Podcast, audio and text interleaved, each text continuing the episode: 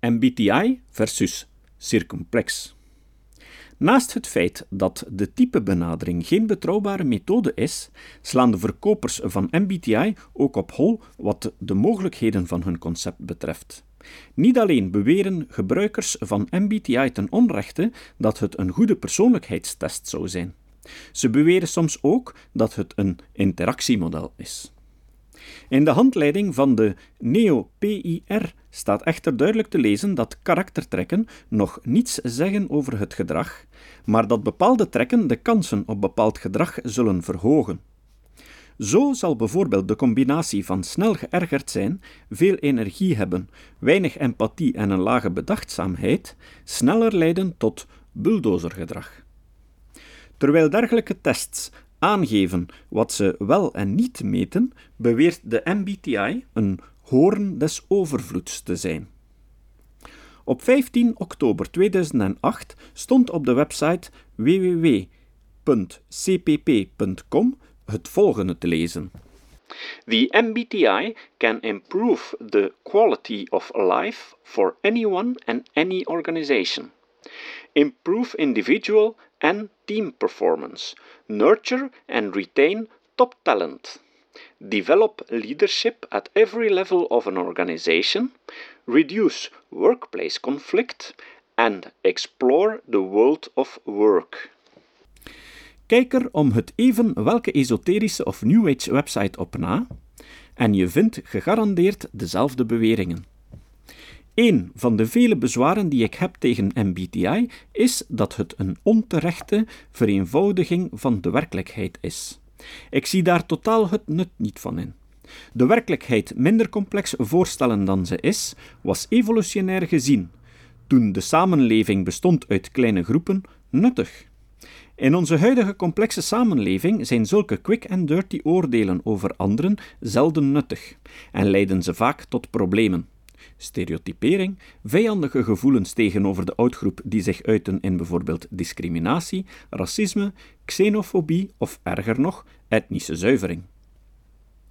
De Gaussiaanse redenering dat je de beurskoersen kunt voorspellen op basis van prestaties uit het verleden is een domme reductie van de werkelijkheid en houdt totaal geen rekening met onverwachte gebeurtenissen en slechte beslissingen.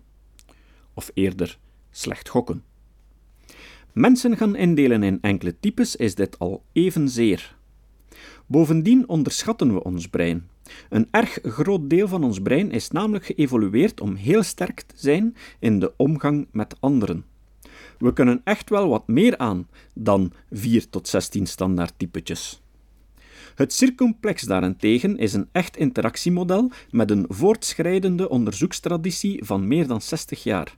Het toont aan dat mensen over een scala van interpersoonlijke gedragingen beschikken, waarvan ze zich naar gelang de situatie bedienen. Het geeft een duidelijk beeld van de complexe werkelijkheid van de persoonlijkheid en de complexiteit van menselijke relaties. Het circumplex brengt aan het licht hoe wij onbewust dergelijke complexe situaties aankunnen.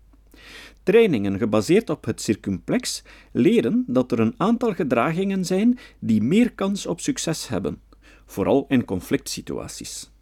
Zich empathischer en bedachtzamer opstellen en zich aanpassen aan de interactie met de ander en aan de situatie zijn daarbij cruciaal. Het circumplex is een overkoepelend en beschrijvend model waarmee interacties tussen de persoon en de situatie duidelijk wordt. In plaats van deze rijkdom van het menselijk gedrag en verscheidenheid omarmen en stimuleren, gaat de MBTI juist de andere richting uit. Mensen die waarschijnlijk gewoon evenwichtig zijn, krijgen de raad om vooral uitersten op te zoeken. Of als uw typebeschrijving niet op u van toepassing is, zult u een aantal zaken moeten onderzoeken om uw best passende type te bepalen. Het kan zijn dat u nog geen duidelijke voorkeur hebt ontwikkeld op een van de dichotomieën. Inleiding tot type, bladzijde 9.